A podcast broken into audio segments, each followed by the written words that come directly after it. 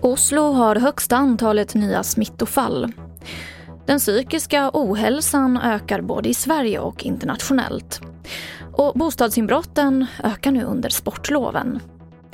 TV4-nyheterna börjar i Oslo som nu har det högsta antalet nya smittofall sedan coronapandemin startade.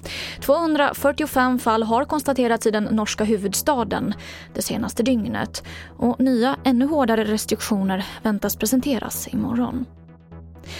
Den psykiska ohälsan ökar både i Sverige och utomlands. Det här visar en rad studier som Folkhälsomyndigheten sammanställt i en rapport enligt SVT. Unga vuxna sticker ut och då särskilt studenter enligt utredaren. Sportloven är igång och det här innebär högsäsong för bostadsinbrotten. Förra året så ökade antalet inbrott med 50% i Stockholm under februari. Fler kanske reser bort och husen lämnas tomma utan att man tänker riktigt på att Eh, att, att göra så att det ser bebott ut och då ökar ju risken för, för inbrott. Det sa Anna Kjellin som är polis i Huddinge. Och jag avslutar med att ge foder till älgar för att undvika viltolyckor har visat sig mycket effektivt i områden med vandringsälg. Och det här prövas just nu på några ställen i Västerbotten.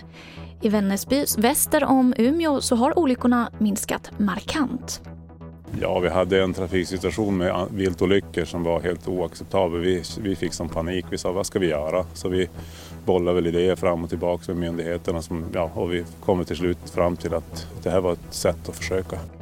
Det sa Thomas Björnudd som är samordnare vid Vännäsby viltvårdsområde. Och det var det senaste från TV4 Nyheterna. Jag heter Emily Olsson.